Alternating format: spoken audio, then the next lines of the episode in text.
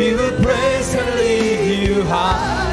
El Shaddai. Mari angkat tangan sembah Tuhan. El Shaddai, El Shaddai, El Elyon Adonai. Is to age you still the same by the power of your name? El Shaddai, El Shaddai, El Adonai. Tuhan El Shaddai. Mari angkat tangan saudara di rumah di mana pun berada. El Shaddai El Shaddai. El Eliona Adonai. To age still the same Kau Tuhan yang pegang kendali. You are the Almighty God. Kau Allah yang Maha Kuasa. Yes, you are Lord. Yes, you are. Yes, you are. Yes, you are. No doubt, tidak ada yang diragukan dari ketuhananmu, Yesus. Because you are the Lord, you are the Almighty. Kau Allah yang seperti ibu menjaga yang menyusui bayinya. Kau jagai kami di seluruh Indonesia ini. Kau jagai kami orang-orang benar. You El Shaddai, the Almighty God. Kau tidak pernah melupakan kami barang sedetik pun.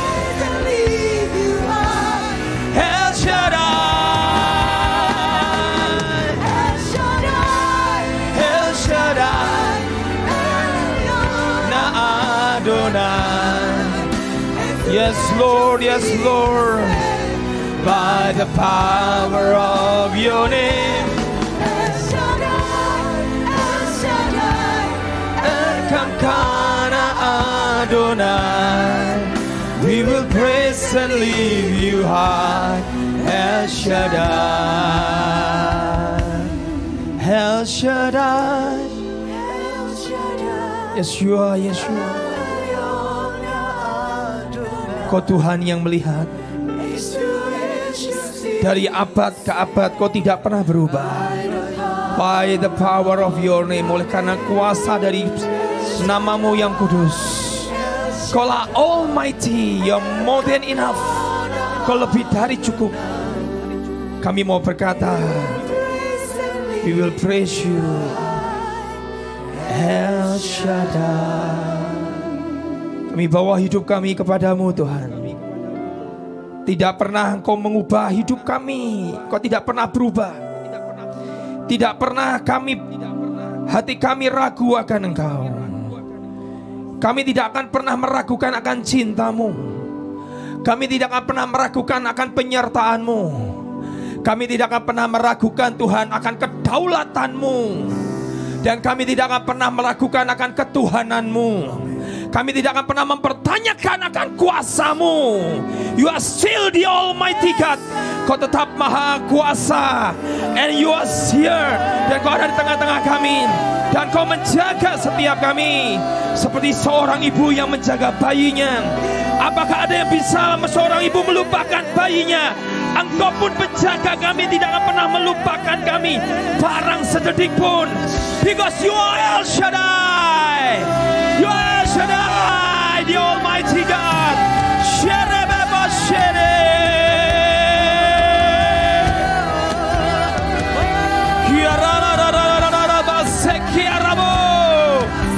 Yes, you Almighty God. Yes, you Almighty God. Kau tetap Tuhan. Kau tetap Tuhan, tidak ada yang lain. Tidak ada satupun kami yang meragukan akan ketuhananmu. Bumi adalah tumpuan kakimu dan langit adalah tahtamu. Kiaraba serere bakarabo sekeyarabo. Ya di Almighty God, Allah yang maha kuasa. Namamu perkasa, namamu ajaib. Namamu Tuhan, kau Tuhan. Kau tetap pegang kendali. Kau tetap pegang kendali atas hidup kami. Tidak ada satu rambut kami jatuh tanpa seizin Bapa kami yang di surga. Tidak ada burung pipit yang jatuh tanpa seizin Bapakku di surga. Ya Rabba semua seizin kau. Ya Rabba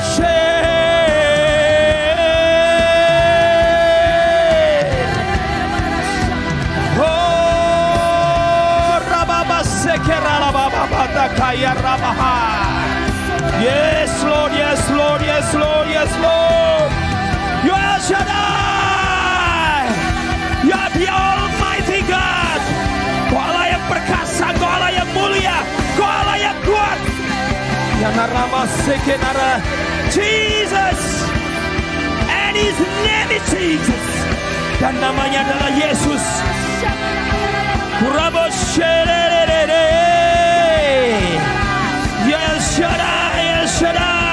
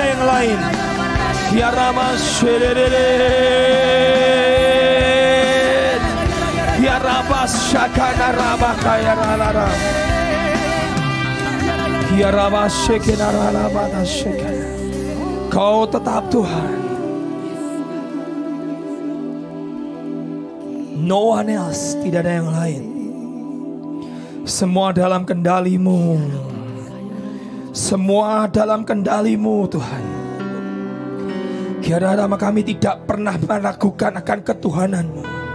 Kemahakuasaanmu. Bumi ini hanya kau ciptakan dengan sabdamu. Dengan satu perkataanmu. Tuhan kami percaya. Kau hanya bersabda dan semuanya selesai. Kami tetap percaya Engkau Tuhan Dan tidak ada yang lain Dan kami percaya Engkau tetap pegang kendali Indonesia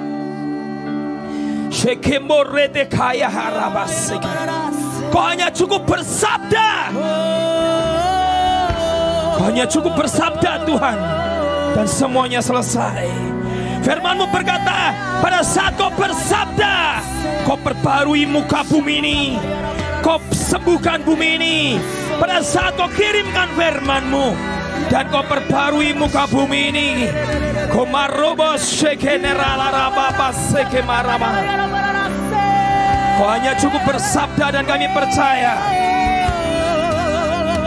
All is well.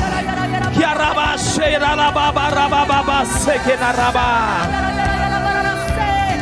Jesus, Jesus, Jesus, you are the Almighty God. Yesus, Yesus, kau Allah yang perkasa. Jangan takut, jangan gentar. Dia tetap Tuhan. He is the Almighty. He is the Lion of Judah. Dia singa dari Yehuda. Shakarababo.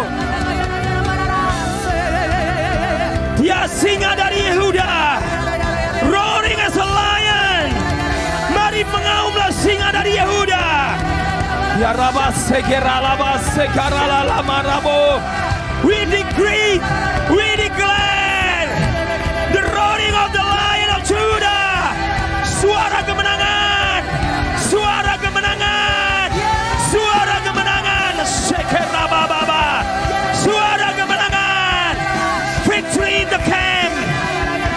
raba.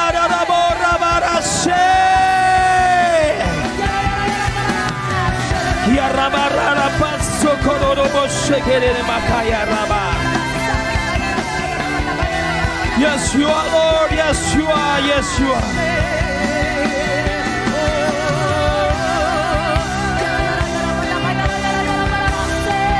Yes, your kingdom come and your will be done. Datanglah kerajaanmu, jadilah kehendakmu di bumi ini. Datanglah kerajaanmu, dan jadilah kehendakmu di bumi ini. Datanglah kerajaanmu, jadilah di bumi ini, kehendakmu di bumi ini. Datanglah kerajaanmu, jadilah kehendakmu di bumi ini. Datanglah kerajaanmu, jadilah kehendakmu atas Indonesia. Jadilah kehendakmu atas Indonesia. Yours is your kingdom. Kerajaanmu adalah milik. Segala kuasa adalah milikmu. Forever. Biaraba baba yours. Yours is the power. Datanglah kerajaanmu jadilah kehendakmu di bumi ini seperti di surga. Seperti di surga.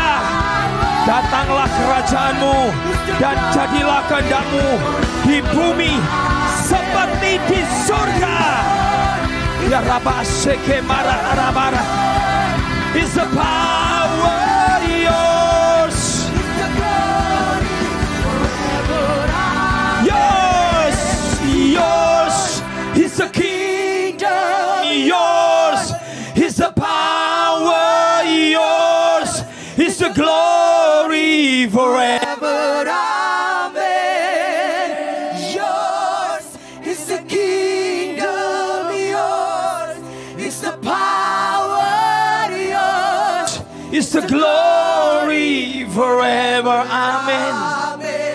Yes, Lord. Your kingdom come. Your will be done. As it is in heaven. Seperti di surga. Yes, your kingdom come. Heavens. Let heavens come. Let heavens come. Let heavens come. Jadilah kehendakmu seperti di surga atas bumi ini. Jadilah kehendakmu di bumi ini seperti di surga. Shekere baba baba baba. Let heavens come.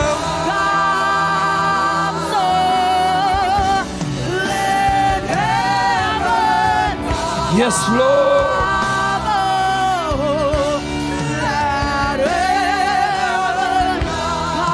Heavens come on the earth. Let heavens come. Let heaven. Mari surga turun atas bumi ini. Surga turun atas bumi ini.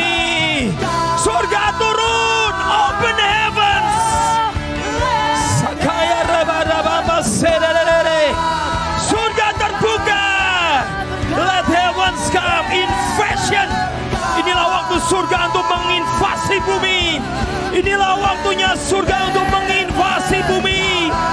Inilah waktunya surga menyerbu bumi. Mari surga turun.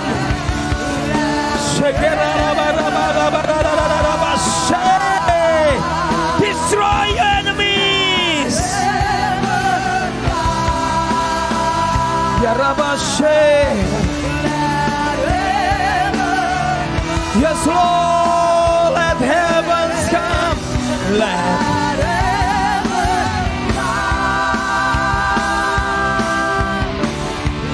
let heavens. Yes, Lord, yes, Lord, yes, Lord, yes, Lord. Ini waktunya surga engkau serbu bumi ini. The heavenly invasion. Mari surga invasi bumi. Mari surga invasi bumi. Yaraba sheke marabobo sheke beneka yaraba taka yaraba. Sheke narada baraba raba sheke narada baraba. Sheke nerada baraba raba raba sheke narada. Mari surga invasi bumi. This is your people.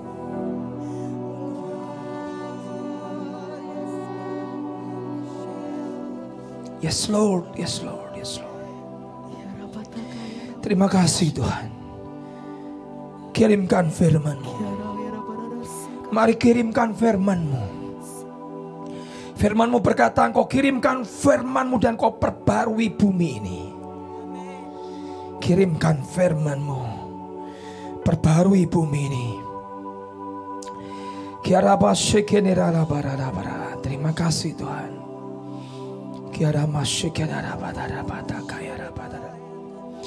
Kami berdoa biar roh hikmat dan pengertian turun dan wahyu turun di tengah-tengah kami.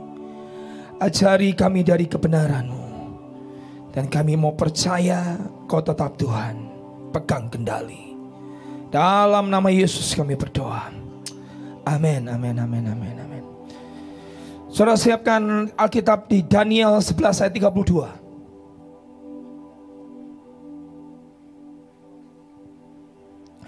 Di Daniel 11 ayat 32.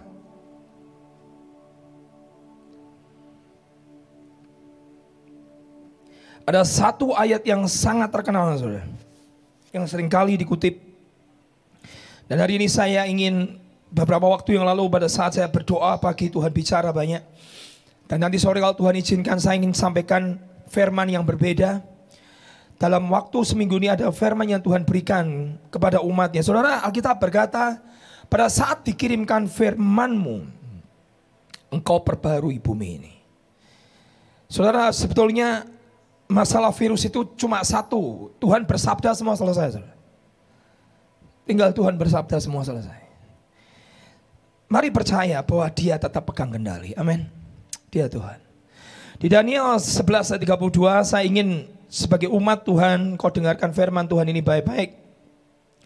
Jangan ada yang saudara patah semangat, saudara meninggalkan Tuhan apalagi. Ini saatnya engkau berbalik, bertobat, merendahkan diri dan mencari wajahnya. Dan Alkitab berkata dan Tuhan akan menyembuhkan bumi ini. Jadi sebelum saya naik ke mimbar, saya sempat lihat film ada seorang teman kirimin Senat Amerika bertobat, Kongres mereka berlutut, mereka minta ampun atas semua dosa yang Amerika lakukan. Ini hari-hari untuk kita bertobat dan berbalik. Kembali kepada jalan-jalannya. Dia minta ampun karena Alkitab sudah dibuang dari sekolah-sekolah. Kongres minta ampun karena mereka tidak mengizinkan Alkitab ada lagi di dalam sekolah-sekolah. Mereka minta ampun karena mengizinkan aborsi sebagai sesuatu yang legal. Mereka minta ampun karena homoseksual dan lesbian diizinkan menjadi legal. Mereka minta ampun. Saudara, ini hari untuk kita kembali dan berbalik dari segala jalan yang jahat. Dan Alkitab berkata, and we will heal the land. Dan dia akan menyembuhkan tanah mereka. Dan dia berkata, founding father mereka, Abraham Lincoln berkata pada saat engkau berbalik dari jalanmu yang jahat, dia akan menyembuhkan. Saudara, ayat ini adalah ayat untuk kita sebagai umat Tuhan menghadapi masa seperti ini. Di Daniel 11:32 saudara bisa lihat di screen, di situ ada tertulis, tetapi umatku yang mengenal Allahnya akan tetap kuat dan akan bertindak. Ayat ini hanya satu potong, satu kalimat, tapi maknanya dalam sekali. Tuhan tiba-tiba menjelaskan kepada saya arti dari makna arti kata mengenal Allahnya. Poin saya yang pertama adalah umat yang mengenal Allahnya. Saudara mengenal Tuhan seperti apa? Saya coba cari kata mengenal artinya apa. Kata mengenal bukan hanya kenal, seperti saya kenal Bapak Presiden kita, saya hanya kesebatas kenal sebagai presiden yang terbaik dari Indonesia, salah satu yang terbaik dari Indonesia. Tapi saya nggak pernah duduk makan dengan beliau. Saya belum pernah pergi bersama dengan beliau. Kata mengenal, tetapi umatku yang mengenal Allahnya, to know by experience. Artinya adalah mengenal karena kau pernah berjalan bersama dengan Tuhan. Karena mengenal artinya kau duduk satu meja dan makan bersama.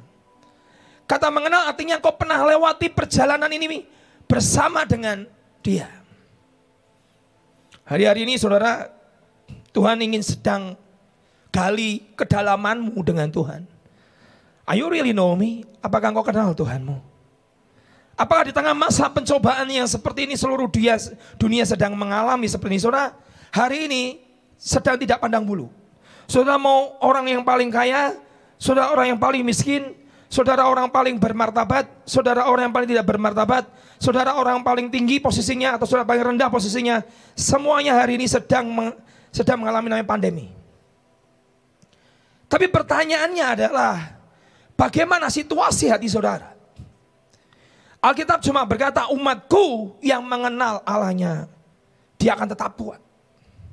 Kata mengenal artinya adalah kenal karena kau berjalan dan mengalami pribadi dengan Tuhan. Dunia hari ini sedang bertanya, kenapa? Kenapa semua harus terjadi? Saya pernah lihat video ada satu orang dari negara barat. Dia lihat orang Asia, dia meludahi orang Asia karena dia pikir orang Asia yang membawa virus. Sehingga seluruh dunia harus ke lockdown semua. Dia marah dengan keadaan hari ini. Dunia sedang bertanya, why? Kenapa? Aku harus tinggal di dalam rumah. Saudara stop bertanya kenapa? Kenapa semua harus terjadi? Saudara mungkin berkata, Papa nggak ngalami ekonomi sedang ekonomi saya sedang mengalami sesuatu yang sedang mengerikan. Nanti sore saudara dengarkan firman. Kata kairos artinya adalah bring to crisis. Kairos adalah momentum Tuhan. Tapi itu adalah masa di kritis, masa krisis. Dan sore saya Tuhan izinkan saya sampaikan itu. Tapi hari ini saya mau bertanya kepada saudara, hatimu situasinya bagaimana? Kau marah dengan keadaan? Kau marah dengan semua yang terjadi hari-hari ini. Saudara minta penjelasan apa di belakang semuanya ini ujungnya ini sampai di mana? Semuanya serba tidak menentu kapan berakhir? Di mana Tuhan? Dan kau saudara bertanya kok diam saja. Kok membiarkan semuanya terjadi? Kok kau tidak pegang kendali? Dan saudara mungkin bertanya, mempertanyakan mana nubuatannya. Kok tidak terjadi? Saudara mulai meragukan. Saudara mulai tidak percaya. Saudara mulai mempertanyakan. Saudara, saya beritahu. Saudara mungkin berkata, kenapa Tuhan tidak lakukan sesuatu? Dan ujungnya engkau akan menyalahkan Tuhan. Saudara, suatu kali mungkin anak saya pinjam kunci mobil saya. P, aku pinjam kunci mobilnya. Saya kasih. Saudara. Kenapa nggak boleh pakai mobil? Karena dia belum punya SIM. Tapi hari itu kalau misalnya saya berikan kunci mobil saya, mungkin saudara bertanya, berkata seperti ini. Kamu yakin berikan kunci mobil kepada dia? Kamu tidak takut mobilmu dijual? Kamu tidak takut mobilmu digadaikan atau mungkin atau kamu tidak takut kalau mobilmu nanti nabrak? Kamu tidak takut kalau nanti mobilmu tidak kembali? Kamu tidak takut kalau mobilmu nanti tiba-tiba dijual sama orang? Saudara, I know my son. Aku kenal anak saya. Kok bapak kenal dari mana? Saya ngajarin dia nyetir. Saya duduk berdampingan dengan dia. Saya tahu bagaimana dia ambil engkelnya. Saya tahu dia pernah pergi ke mana, saya dampingin. Sebagai orang tua saya dampingin dia. Dijual nggak pak? Nggak mungkin dijual. Digadaikan pak? Nggak mungkin digadaikan. Ditabrakan? Nggak mungkin akan ditabrakan. Pasti bisa, pasti bisa. Kenapa? I know by experience. Aku kenal karena saya jalan dengan dia. Pada saat kau kenal Tuhan by experience, karena pengalamanmu dengan Tuhan, kau nggak akan pernah bertanya, kenapa semua terjadi? Orang yang mempertanyakan Tuhan hari ini adalah karena kau tidak pernah, bahasanya Pak Yusa, kau tidak pernah ngalami Tuhan dalam hidupmu. Kalau kau ngalami, kau akan berkata, semuanya dalam kontrol Tuhan. Saudara, saya, saya sempat bertanya Tuhan, sebetulnya hanya butuh satu patah kata saja. Dia bicara. Selesai virus corona. Dia bersabda saja. Selesai. Semua selesai. Tapi kenapa tidak terjadi?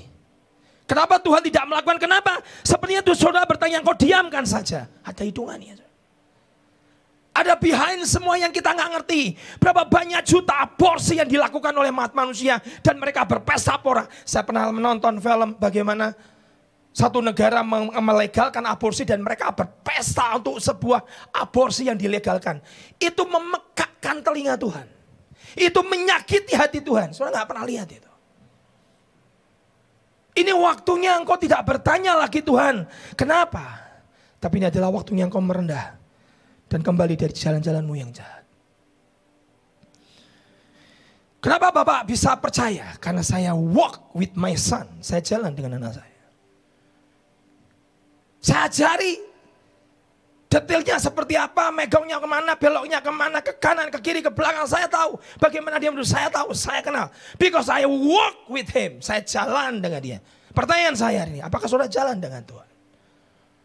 Apakah engkau mengalami Tuhan dalam hidupmu? Kalau engkau mengalami Tuhan dalam dirimu, engkau akan berkata, semua dalam kendali. Saudara, mungkin saudara berkata, kalau dia maha kuasa dan maha kuat. Saya mau bertanya, kenapa batu itu tidak diubah jadi roti?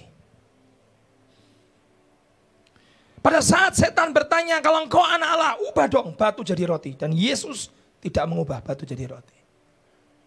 Apakah membuktikan bahwa dia bukan Tuhan? Dia adalah Tuhan. Dia mau berbuat batu jadi roti atau batu tetap jadi batu. Dia tetap Tuhan. Bukan berarti kalau dia mengubah batu jadi roti, akhirnya dia membuktikan bahwa dirinya Tuhan. Tidak, saudara. Apakah kalau dia bangkit dari kematian membuktikan bahwa dia Tuhan? Dia tetap Tuhan. Apakah kalau dia mati berarti dia bukan Tuhan? Dia tetap Tuhan. Apakah kalau dia tidak turun dari bumbungan bait Allah sehingga dia tidak menjatuhkan dirinya karena setan menantang kalau engkau anak Allah jatuhkan dirimu dari bumbungan bait Allah. Apakah membuktikan bahwa dia tidak Tuhan? Dia tetap Tuhan. Hari ini iman saudara sedang diuji. Hari ini kedalamanmu, pengenalanmu akan Tuhan sedang dipertanyakan. Saya berkata saudara, saya ada satu kesaksian tadi malam seorang jemaat WA saya. Dia cerita sama saya, kok sebelum masa corona terjadi, dia berkata suaminya di PHK. Padahal satu-satunya harapan buat keluarga ini adalah suaminya. Tiba-tiba di PHK sebelum virus corona terjadi. Dan hari itu dia mencoba membuat satu makanan, saya sebutlah siomay lah. Dan kemudian mertuanya tidak mengizinkan dan segala macam, semuanya serba sulit. Dan rasanya dia bingung karena dia seorang ibu rumah tangga yang tidak bisa berbuat apa-apa. Dia coba membantu suaminya yang sedang kehilangan pekerjaan. Tapi saat pada saat virus corona ini terjadi, dia mulai berdoa, dia sembahyang. Dia mulai kerjakan apa yang dia bisa lakukan karena mujizat itu tidak jauh dari rumah saudara. Dia dekat dengan rumahmu, ada di dalam rumahmu. Miracle is in the house. Mujizat itu ada di dalam rumah saudara. Dan saudara tahu apa yang terjadi? Dia tetap buat siomay yang dia lakukan. Saudara tahu? Hari ini di tengah masa seorang lagi krisis. Itu kairos. Siapa bilang Tuhan tidak memelihara? Siapa bilang tidak ada namanya Goshen? Ada. Siapa bilang Alkitab berkata bahwa dia Tuhan pegang kendali? Dia pegang kendali.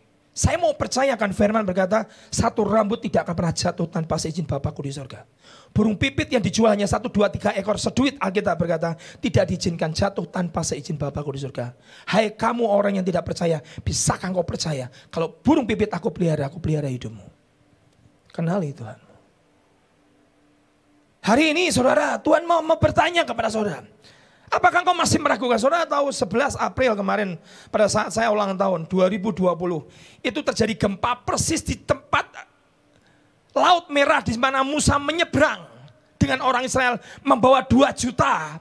Dia seberangi Laut Merah dan itu terjadi gempa buka kerak. Apakah dia tetap tidak Tuhan? Laut mati dibuka kerak 11 April 2020 karena saya ulang tahun. Dibuka. Saudara, saudara mau tetap percaya nggak percaya dia tetap Tuhan. Ya, kok diam mbak? Ada waktunya. Semua indah pada waktunya. Ada hal-hal yang kita sering kali kita nggak tahu. Itulah namanya kedaulatan. Tapi hari ini saya mencoba kepada saudara. Kenali by experience dengan kau ngalami. Kenali karena kau punya pengalaman pribadi. Saya kasih ilustrasi ini supaya memberikan sebuah penjelasan. Soalnya ini kisah tentang Niagara Falls yang sering saya kutip berkali-kali. Saat akrobat nomor satu di Kanada itu berkata, dia sudah mencoba untuk melewati tali tali se seutas tali. Dia mencoba berkali-kali tapi tidak di bawah Niagara Falls atau air terjun itu. Semua orang bertanya berkata, percaya nggak aku bisa lewati seutas tali dengan hanya membawa bambu? Orang berkata, saya percaya. Kenapa kamu percaya? Mereka berkata, karena aku lihat berkali-kali di TV bahwa kamu berjalan di atas seutas tali dan kau tidak pernah jatuh. Tapi kemudian aku, akrobat ini berkata, kamu percaya nggak kalau aku berjalan dengan seutas tali di bawahku adalah air terjun yang terbesar nomor satu di dunia. Sekali aku meleset dan aku akan mati. Dan semua orang berkata, aku percaya kalau kau lewati itu dan aku tidak akan dan kamu tidak akan jatuh. Ini bicara tentang kedalamanmu dengan Tuhan. Dan dia berjalan, saudara. Dan sejarah membuktikan bahwa dia pernah berjalan seutas tali dibentangkan di, di air terjun yang ganas yang mengerikan. Sekali jatuh pasti mati. Dan dia jalan. Dan dia tidak jatuh. Tapi pertanyaannya, kemudian akrobat ini berkata, siapa yang di sini berani aku gendong di atas pundakku, anaknya bukan kalian. Tapi anakmu engkau berani serahkan anakmu aku gendong di atas pundakku. Dan aku akan berjalan di atas utas tali. Dan hari itu semua penonton terdiam, tidak ada yang berani bicara. Dan dia bertanya lagi, kamu percaya nggak kalau aku bisa lewat ini? Semua berkata percaya.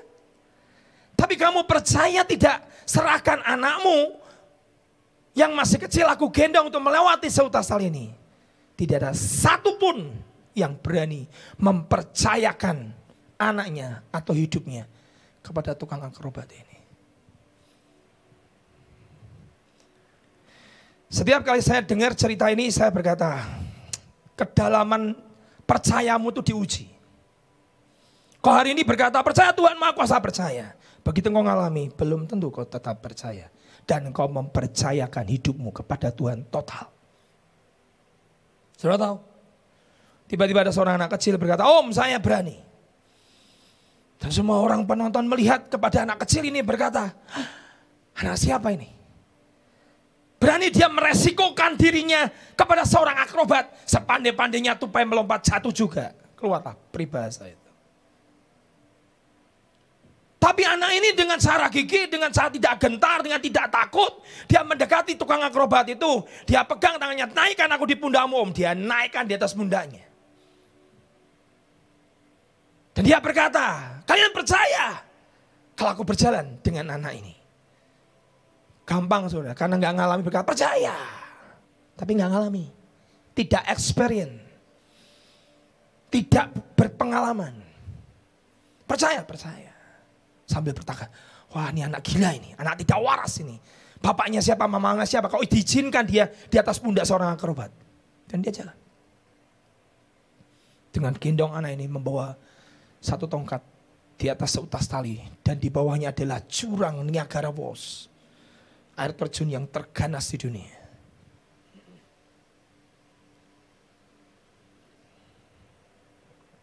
Begitu sampai di ujung dan mereka selamat.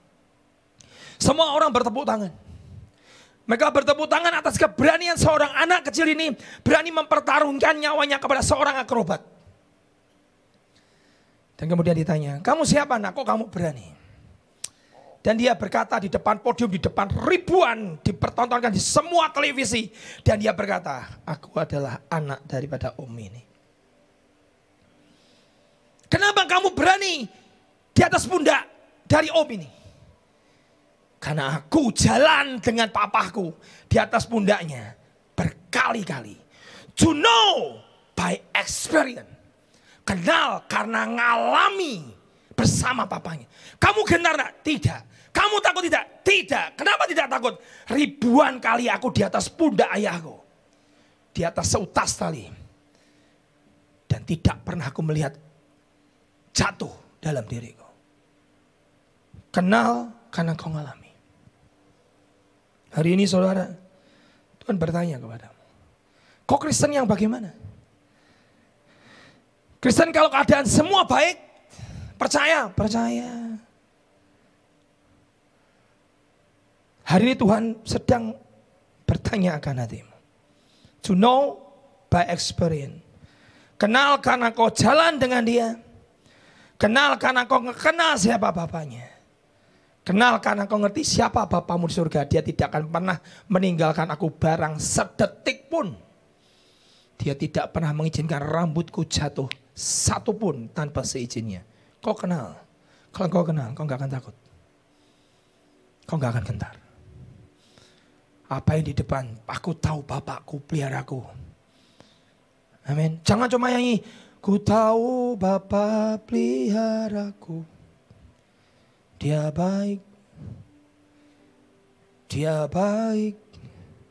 Ku tahu dia selalu sertaku. Dia baik bagiku. Aku ini berkata, lewat badai gelombang Semuanya? Mendatangkan kebaikan. Ku tahu Papa peliharaku. Dia baik bagiku. Saudara, imanmu diuji. Saya hari ini suka nonton film yang klip pendek tentang abandoned dog anjing yang dibuang.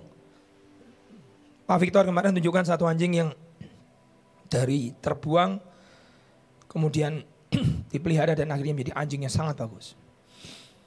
Satu saya setelah saya lihat banyak sekali film tentang anjing yang terbuang dan kemudian diambil dimasukkan ke dalam penangkaran.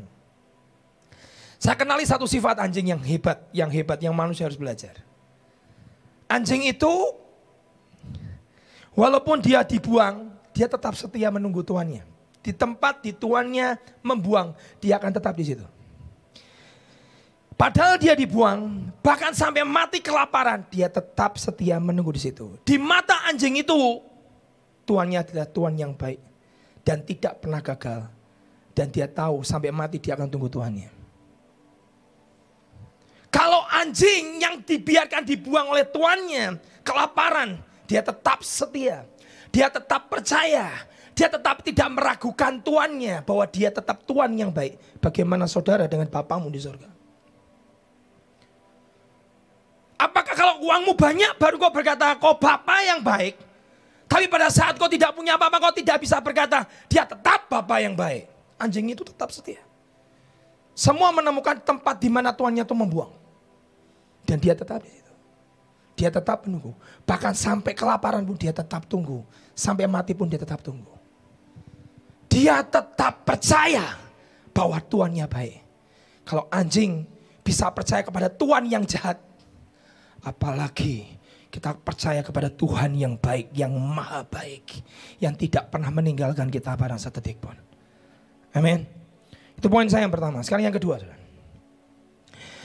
Alkitab berkata bahwa umatku yang mengenal Allahnya, kau kenal karena experience, karena kau kenal karena kau ngalami. Tapi yang berkata adalah yang mengenal Allahnya akan tetap kuat saya pelajari kata tetap kuat itu artinya apa? Bukan kuat, oh nggak masalah. Oh saya ini tetap berani, saya bukan. Kata tetap kuat itu artinya grow to growing strong. Bertumbuh menjadi kuat. Kata kuat tetap kuat artinya adalah repair himself, memperbaiki dirinya, mem, uh, menjadikan dirinya menjadi kuat, to restore. Terjemahannya memperbaharui dirinya sehingga menjadi kuat, itu kata kuat. Sekarang saudara, 1 Samuel 30 ayat 6 berkata, dan Daud itu pernah mengalami sesuatu yang mengerikan. Daud siklak dibakar, semua hartanya dirampas, istri dan anaknya ditawan, dan dia adalah kurang tiga hari lagi menjadi raja. Tiba-tiba seluruh camp perkemahannya dibakar oleh musuh. Istrinya ditawan, anaknya diambil dan dia hampir dilempari batu oleh anak buahnya gara-gara anak buahnya kehilangan istri dan anaknya. Hari itu Daud terjepit karena semuanya sedang menyalahkan dia, semuanya berkata gara-gara kamu kita kehilangan istri, kita kehilangan anak, kita kehilangan semua harta benda kami dan bahkan siklak dibakar. Dan hari itu Alkitab berkata, dan Daud menguatkan kepercayaannya kepada Tuhan Allahnya. Itu to repair. Itu artinya memperbaiki, to restore, ini memperbarui kekuatannya menjadi baru seperti pada burung Raja Wali.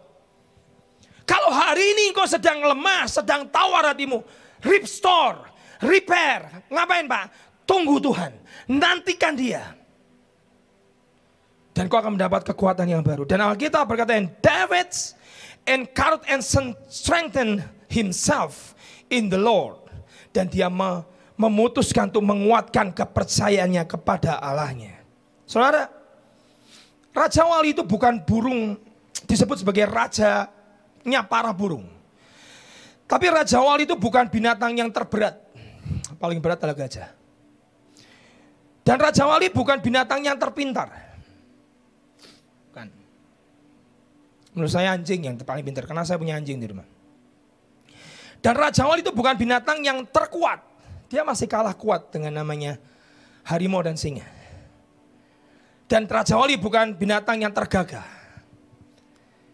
Tapi pertanyaannya kenapa? Hanya dua binatang yang Tuhan sebut berkali-kali di Alkitab. Singa dan Raja Wali. Ada apa?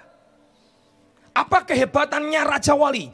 Sampai Alkitab menulis berulang-ulang. Kau yang menanti-nantikan Tuhan. Kekuatanmu akan dirubah. Di exchange. Diberikan kekuatan yang baru seperti pada burung Raja Wali. Kau berlari tidak akan menjadi letih. Kau berlari tidak akan menjadi lelah. Kenapa memakai kata Raja Wali? Raja Wali punya satu kehebatan yang tidak dimiliki oleh burung yang lain. Bahkan tidak dimiliki oleh binatang yang lain. Apa itu Pak? Raja Wali itu mempunyai kekuatan merestorasi dirinya. Dia transforming life. Dia menjadi Raja Wali yang sudah umur 40. Dia akan menjadi kekuatan yang menjadi baru seperti muda. Dengan cara merestore dirinya. Memperbarui dirinya. Orang benar, kau yang duduk di dalam hadirat Tuhan, kau yang mencari Tuhan, kau sedang merestore, sedang merepair, sedang menguatkan kepercayaanmu kembali kepada Tuhan, dan kau akan menjadi kuat seperti pada burung Raja Wali. Satu, karena dia punya kekuatan untuk merestore dirinya, dan Raja Wali itu akan naik ke tebing.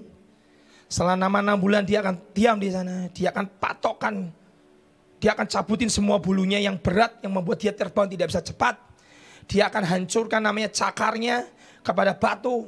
Dan dia akan hancurkan namanya cucuknya pada batu sampai berdarah semuanya. Dan Raja Wali akan tinggal di atas sarang, di atas tempat tebingnya tertinggi di mana semua binatang tidak bisa menjangkau dia. Dan di situ Raja Wali yang sedang merestorasi dirinya, dia butuh teman. Hari itu siapa yang ngasih makan Pak? Teman-temannya. Semua Raja Wali kenal itu, semua temannya sedang alami restorasi. Semuanya memberi makan. Hari ini saudara kau perlu beri makan kepada orang-orang yang tidak bisa makan. Dia diberi makan untuk waktu itu merestore dirinya. Tapi begitu enam bulan kemudian keluar cakar yang baru, keluar cucuk yang baru, keluar bulu-bulu yang baru. Dia akan jatuhkan dirinya dari tebing yang paling tinggi. Dia akan kembangkan sayapnya dan dia akan lebih cepat, lebih tajam dan lebih hebat dibandingkan dengan Raja Wali yang dulu. Raja Wali punya kekuatan merestore dirinya umatku yang mengenal, to know by experience, mengenal aku akan tetap kuat, arti tetap kuat, merestore dirinya. Kalau hari ini kau sedang lemah, restore masuk dalam hadirat Tuhan. Kenali Tuhan, kenali suaranya yang kau bertanya, saya nggak pernah dengar suara Tuhan. Saatnya hari ini kau dengar suara gembalamu. Dombaku mengenal suara gembalanya. Kalau hari ini kau berkata, aku tidak pernah mengalami mujizat to know by experience. Tidak pernah mengalami Tuhan, ini saatnya kau mengalami Tuhan dalam dirimu. Alkitab bukan cuma cerita dongeng, tapi Alkitab ya dan amin. Alkitab bisa dibuktikan dari zaman ke zaman, dan itu tetap ya dan amin. Dan Raja Wali akan terbang. Satu, dia punya kekuatan merestorasi diri. Dia akan selama merestorasi dirinya, saudara tahu? Selama enam bulan pada saat Cakarnya itu berdarah, cucuknya berdarah. Bulunya dicabutin habis. Raja Wali cuma punya satu kebiasaan. Dia akan berendam di bawah matahari. Dan matanya ini akan menatap matahari. Dia terus menjemur dirinya menatap matahari. Kenapa? Untuk memulihkan keadaannya kembali. Ini saatnya kau menatap wajahmu ke Tuhan. Ini saatnya kau berbalik dari jalanmu yang jalan. Kau tatap Tuhan. Kekuatanmu akan jadi baru. Amin. Kalau engkau sudah mulai distrust, kau mulai tidak percaya. Kau mulai menyalahkan keadaan. Kau mulai menyalahkan pemerintah. Kau nyalahkan siapa pun segala macam. Kau saatnya duduk diam dan datangi Tuhan dan berkata, Tuhan, sinari wajahmu kepadaku. Seperti kitab imamat berkata, dan dia akan menyinari wajahnya kepadamu. Seperti Raja Wali menatap kepada matahari itu, sinari wajahmu kepadaku. Dan dia akan menjadi kekuatan yang baru. Itu yang pertama dari Raja Wali. Yang kedua, Raja Wali punya satu, kedua, yang dia dijadikan sebagai raja di atas segala burung. Dia adalah satu-satunya burung yang berani terima tantangan. Apa itu? Burung ini sering kali menari di atas badai. Di saat badai datang, burung ini tidak akan sembunyi. Di saat badai itu datang, burung ini tidak akan lari terberit-berit seperti seekor anak ayam. Di saat badai datang, dia tidak akan bersembunyi di bawah kolong jembatan. Di saat badai datang, burung ini akan kembentangkan sayapnya. Dan dia menari di atas badai. Ini yang membuat burung Raja Wali jadi burung yang hebat. Saudara saya tahu saudara hadapi hari ini badai besar. Secara ekonomi, secara keadaan, saya beritahu. Ada kekuatan Raja Wali di dalam dirimu. Yang membuat engkau bisa menari di atas badai. Yang bisa membuat engkau restore his strength. Kata restore artinya to exchange diganti dengan kekuatan yang baru. Saudara hanya butuh kekuatan Tuhan. Dan tiba-tiba engkau bangkit. Seperti Raja Wali yang muda. Dan kau akan bentangkan sayapmu. Tiba-tiba hari ini kau berkata, aku menari di atas badai. Lagu ini berkata dia di saat badai bergelora. Saatnya kau berkata kepada Tuhan. Ku akan terbang bersamamu. Bapa kau raja atas semesta. Dia berkata, ku tenang sebab kau Allahku. Saudara mari tenang. Yang kedua saudara. Yang kedua adalah singa. Dua burung atau binatang yang selalu disebut di Alkitab. Yang pertama Raja Wali, yang kedua adalah singa. Singa bukan binatang yang terkuat. Kalah sama gajah, kalah sama banteng, kalah sama badak. Dia bukan binatang terberat. Singa bukan binatang tercepat. Dia kalah cepat dengan cita, dia kalah cepat dengan harimau, dia kalah cepat dengan kijang, larinya kalah cepat dengan kijang jauh sekali. Singa bukan binatang terpandai, singa bukan tidak pernah terkalahkan, tapi kenapa dia disebut sebagai raja hutan? Ada dua. Singa itu kalau datang masuk ke satu jungle atau hutan, kehadiran singa itu menggetarkan semua. Semua binatang. Dari gajah yang paling berat, dari badak yang punya cula yang paling hebat, dari banteng yang punya kekuatan yang dahsyat, dari kijang yang larinya paling cepat, tapi singa begitu datang, dia menggetarkan sekitarnya. Dan itu menggetarkan sekitar 12 kilo. Karena apa? Aumannya. Saudara, di mana aumanmu hari ini? Di mana engkau berkata kepada Tuhan, kau tetap Tuhan dan kau hebat. Kau tetap pegang kendali dan aku tidak pernah takut. Dunia butuh auman, saudara. Saudara butuh hari ini kau berkata, apa pun yang terjadi, dia tetap Tuhan. Dia tetap kontrol hidupku. Dia tetap pegang kendaliku. Aku tidak akan lose trust. Aku tidak akan kena kehilangan kepercayaanku kepada dia. Aku tidak akan pernah mempertanyakan kepada Tuhan kenapa semua terjadi. Aku tidak akan pernah mempertanyakan tentang ekonomiku. Aku tetap berkata, engkau tetap Tuhan, engkau tetap mengaum. Dan saudara, sehingga aumannya menggetarkan 12 kilo. Dan Alkitab berkata di Amsal 28 ayat 1. Tetapi orang benar merasa apa? Aman. Seperti apa? Singa muda. Di tengah badai seperti ini, masihkah hatimu aman seperti singa? Singa itu kalau bertemu dengan musuh, dia tidak gentar. Dan dia tidak pernah mundur. Dia punya sifat karakter, dia tidak pernah mundur barang sejengkah pun. Dia akan tetap hadapi, dia akan face the enemy, dia akan tetap hadapi masalah, hadapi problem apa pun yang dihadapi, singa tidak pernah mundur barang sejengkal pun. Itu yang membuat sebagai disebut sebagai raja rimba. Dia berkata, getaran suaranya menakutkan musuhnya, membuat semua musuhnya gemetar. Tapi kekuatan di dalamnya yang tidak gentar, tidak pernah mundur barang sejengkal pun. Dan keamanan dalam hatinya tetap aman seperti singa muda. Seperti kata Alkitab Amsal, itu yang membuat singa disebut sebagai raja di atas jungle, di atas semuanya. Alkitab berkata Amsal 28 ayat 1. Orang benar merasa aman seperti singa muda. Saudara, Pak, saya khawatir. Ayo, cari Tuhan. Biar hatimu teguh, aman di dalam Tuhan. Kau adalah keturunan bukan kucing, kau keturunan singa Yehuda Singa Yehuda sudah menaklukkan musuh di bawah kakinya. Bumi ini cuma tumpuan kakinya. Ada seorang nabi berkata, virus ini sudah di tumpuan kaki Tuhan. Saudara, Tuhan itu cuma butuh bersabda. Satu kepatah kata. Seperti hamba perwira berkata, Tuhan Yesus jangan ke rumah. Jangan ke rumah Tuhan. Kenapa? Ucapkan sepatah kata. Dan hambaku itu sembuh. Buat Tuhan pengusir virus corona ini Sepatah kata. That's it. Dia tetap Tuhan. Dia tetap pegang kendali. Sepatah kata apa? Ya. Biarkan Tuhan bersabda satu patah kata. Dan semua selesai.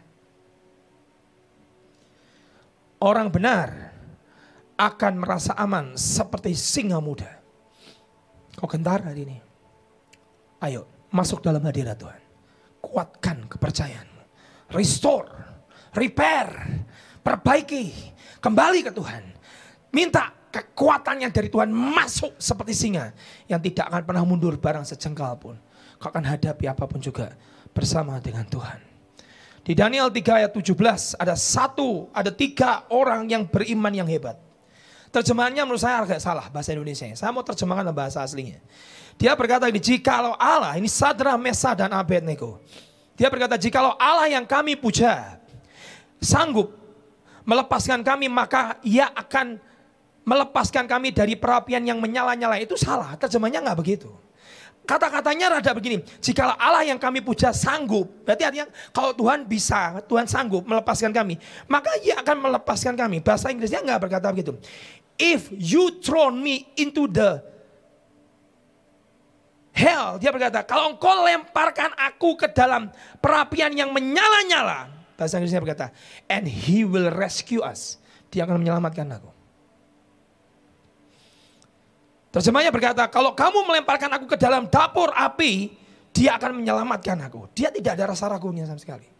Tapi ada satu kata tambahan bagus di sini.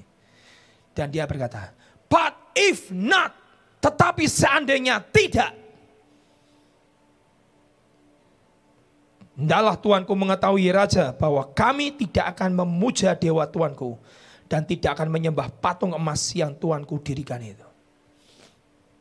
Hari ini Tuhan bertanya, if not, masihkah kau tetap percaya? Seandainya tidak. Saat namanya sahabat Nego berkata, buat aku, engkau lemparkan aku ke dalam dapur api, dia sanggup melepaskan aku. Tetapi seandainya tidak, dia tetap Tuhan. Dia tidak pernah meragukan Tuhannya. Seandainya Tuhan tidak menolong aku, dia tetap Tuhan. Tidak ada keraguan sedikit pun di hatinya. Cerita ini mengingatkan saya akan cerita tentang John Wimber. Seorang revivalis hebat di zaman Vineyard. John Wimber ini adalah seorang sebelumnya sebelumnya adalah orang ateis yang tidak kenal Tuhan. Saudara ada seorang suami istri yang buat PA di rumahnya. Setiap hari apa sangat. Dan selama PA, PA, PA, suami istri ngalami suami istri ini ngalami sesuatu yang tidak enak. Anaknya kecelakaannya laki dan akhirnya lumpuh karena kecelakaan. Dan hari itu salah satu anggota PA dari suami istri ini mengajak seorang pemuda ateis masuk ke dalam persekutuan itu. Dan kemudian pemuda ateis ini bertanya kepada temannya, kamu bawa aku ke sini apa? Kamu dengarkan PA dari seorang suami istri yang takut akan Tuhan ini. Terus dia lihat seorang pemuda sedang duduk di kursi roda dan bertanya, siapa dia? Oh itu putranya. Kenapa dia? Dia kecelakaan satu tahun yang lalu. Dan si ateis ini berkata, dia masih tetap menyembah Tuhan yang tidak bisa menolong keluar dari kursi rodanya. Dia masih menyembah Tuhan yang tidak bisa menolong menyelamatkan dari kecelakaannya. Si ateis ini bertanya-tanya dalam hatinya. Kalau aku, enggak akan. Oh Tuhan tidak bisa menyelamatkan anakku dari kecelakaan kok aku menyembah Tuhan yang seperti itu. Dan kemudian mereka sedang PA suami istri ini dan si ateis duduk dengan wajah mungkin angkuh dan dan sombong berkata, ah, bohong lah. Buat apa aku percaya kepada Tuhan yang tidak bisa menyelamatkan dia dari kecelakaan. Dan tiba-tiba pintu dari rumah suami istri diketuk dengan suara keras. Dan pada saat dibuka pintunya, ada dua polisi datang di depan pintu rumah itu dan berkata, betulkah ini adalah KTP dari anak ibu, bapak? Dan suami istri keluar, lihat, ya betul ini KTP anak perempuan saya. Dan si ateis ini mendengarkan pembicaraan antara polisi dengan kedua suami istri ini. Tiba-tiba dia mendengar, saya mohon maaf, I'm so sorry. Saya memberitakan kabar ini bahwa saya temukan anakmu perempuan mati diperkosa di jalan di sebelah sana. Dan si ateis ini mendengar. Barusan aku mendengar Tuhan tidak bisa menyelamatkan dia dari kecelakaan. Sekarang aku mendengar putrinya meninggal karena mati diperkosa. Dan dia menunggu, si menunggu. Pada saat dia menunggu, dia berpikir berkata begini, ah pasti dihujat ini Tuhannya.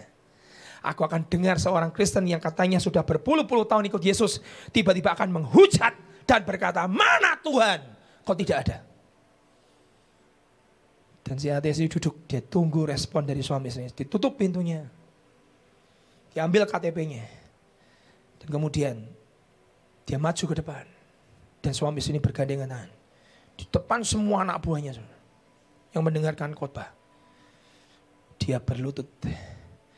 Dan dia ucapkan kata-kata ini. Dia berkata, Lord, I don't understand.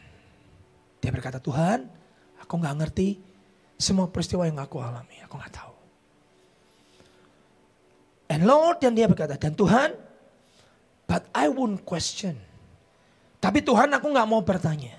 Why? Kenapa? Anakku mati. Diperkosa. Anakku lagi kecelakaan. I won't question. Aku tidak mau bertanya kenapa. Dan dia berdiri, dia gandeng istrinya. Dia angkat tangannya. Dia angkat menengadah ke atas dan dia berkata, I trust you. Aku percaya padamu. Saat ateis ini melihat iman dari suami istri ini yang berkata, I trust you. Aku percaya kepadamu. Dapur api aku lewati. I still trust you. Aku percaya kepadamu. Saudara si ateis ini bertobat bukan karena dia melihat mujizat. Si ateis ini bertobat bukan karena dia Tuhan bisa menyembuhkan, menyelamatkan dari kecelakaan. Saat ini bertobat bukan karena Tuhan menolong si perempuan anaknya perempuan itu tidak mati diperkosa. Si ateis ini bertobat karena pada saat di titik yang paling rendah dalam hidup orang ini tiba-tiba dia berkata dia tidak menyangkali Yesusnya dan dia tidak mempertanyakan Tuhannya tetapi tetap berkata I trust you Si ateis ini berkata, Tuhan yang seperti itu. Yang di dalam lembah kelam sekalipun. Tetap membuat dia aman dan tetap percaya. Ini Tuhan yang aku mau sembah. Sampai bayang-bayang maut sekalipun. Dia tetap, I trust you. Saudara, dan yang ateis ini bertobat. Dia lahirlah orang bernama John Wimber pembawa kegerakan Vineyard yang pernah meledak tahun 91-92. Saat dia sini bertobat dan akhirnya terjadilah revival yang besar. Saudara menyembah Tuhan yang mana? Apakah Tuhan atas mujizat saja yang membuat 2 juta orang Israel tidak bisa masuk kanan? Walaupun dia lihat laut dibelah di depan mata mereka. Dia jalan melewati laut.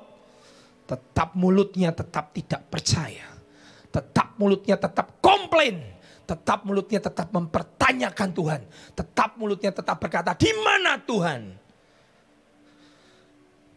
Tapi si ateis John Wimber ini berkata, kalau Tuhan yang bisa membuat dia tetap keep strong, tetap kuat. In the bottomless sampai titik terendah manusia, dia tetap berkata, I trust you. Itu Tuhan yang aku mau sembah paling rendah dia tetap berkata, aku percaya. I won't question. Aku tidak akan tanya kenapa. Hari ini Tuhan bertanya kepada saudara. Masihkah kau tetap aman bersama dengan dia?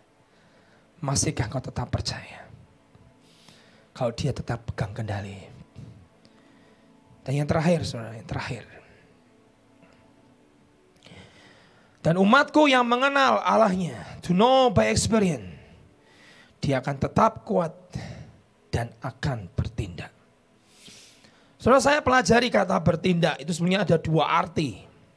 Bertindak adalah take action, sudah melakukan perbuatan yang besar. Tapi juga artinya adalah bertindak adalah to resist. Karena ayat ini diambil dari kitab Daniel. Pasal 11 tentang tentang antikris. Dan ayat ini mau bicara pada saat nanti yang jahat itu memaksa orang, sudah entah bentuknya chip, entah bentuknya tato, entah bentuknya vaksin dan segala macam.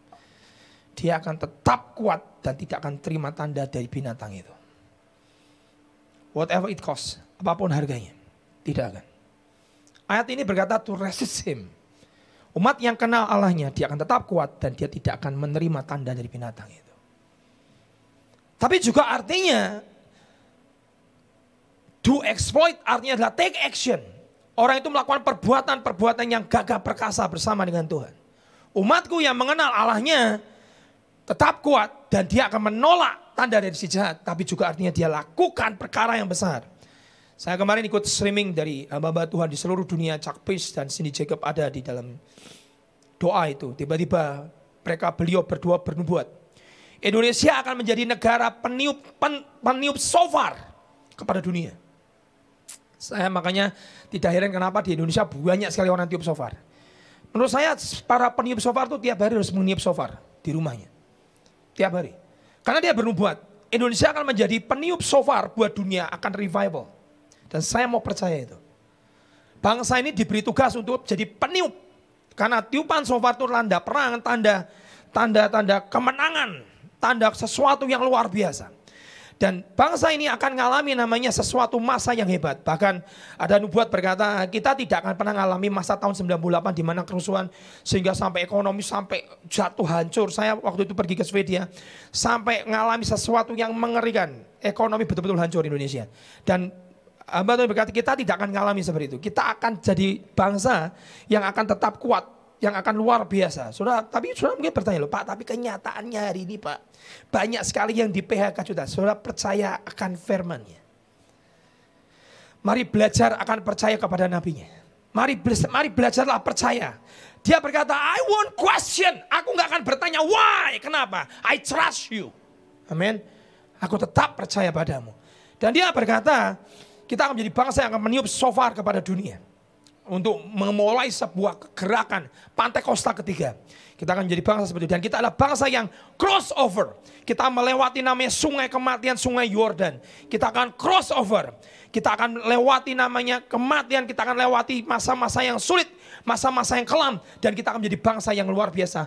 Masuk masa keemasan. Saya mau percayakan firmannya. Dan Hagai 2 ayat 7 sampai 8 9 ayat yang favorit saya yang saya selalu ucapkan berkali-kali. The glory of the latter house, kemuliaan Tuhan, rumah Tuhan yang akan datang akan jauh lebih hebat dibandingkan dengan kemuliaan rumah Tuhan dibandingkan zaman Musa, Abraham dan kita akan mengalami lebih dahsyat. Jadi saya mau percaya umatku yang mengenal Allahnya, dia akan tetap kuat dan dia akan bertindak do a great exploit. Dia akan lakukan sesuatu perkara yang dahsyat. Saya berdoa saudara tanggap firman pada saat pagi hari ini. Dan saya ingin saudara mari percaya bahwa Indonesia dalam kendali Tuhan. Mari percaya kau berkata Tuhan di masa seperti ini aku mau engkau tetap jadi Tuhan dalam hidupku. Engkau tetap bisa pelihara aku. Aku amin.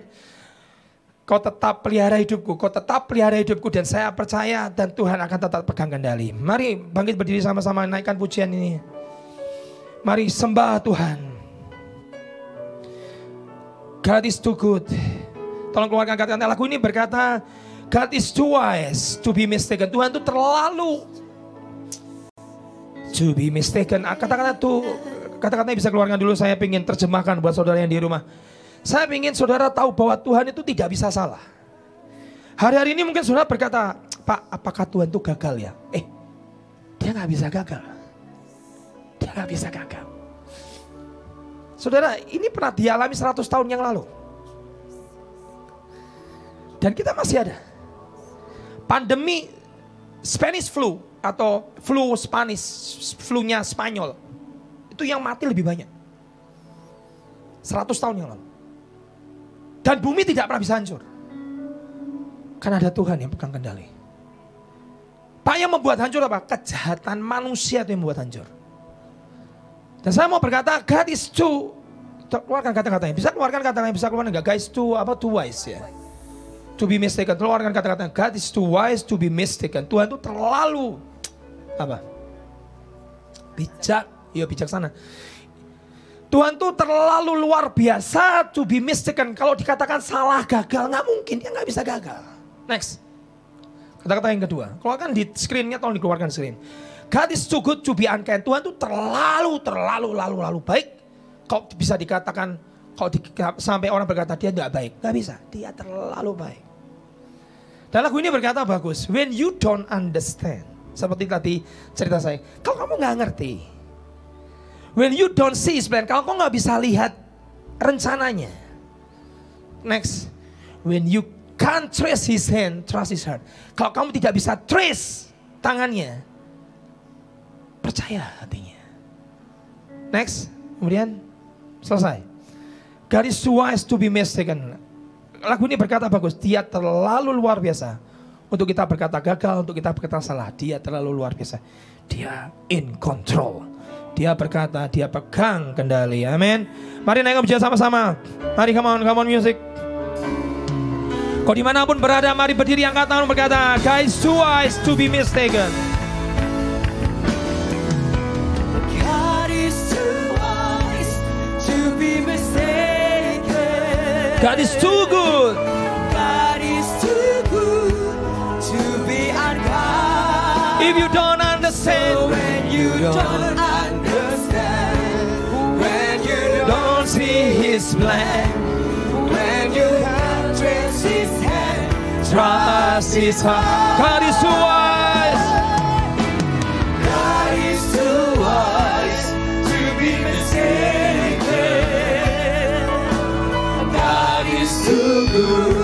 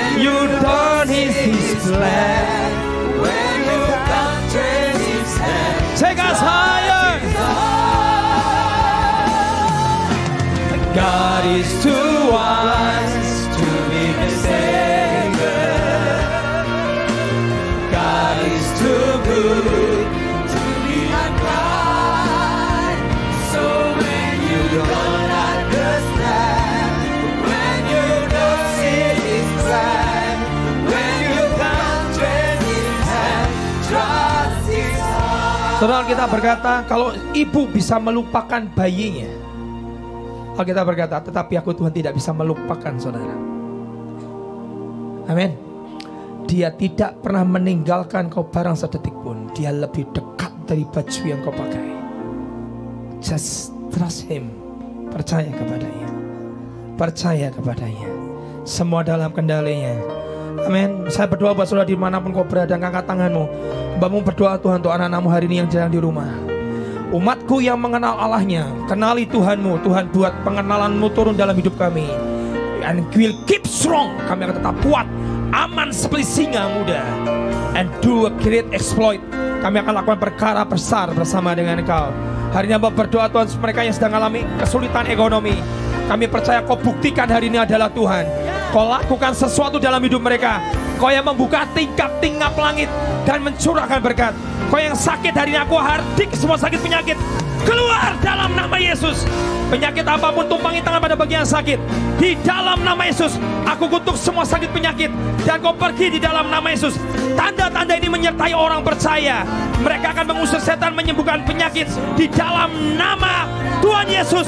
Sembuh, bangkit, berdiri, berjalan, terima mujizatmu di dalam nama Yesus. Trust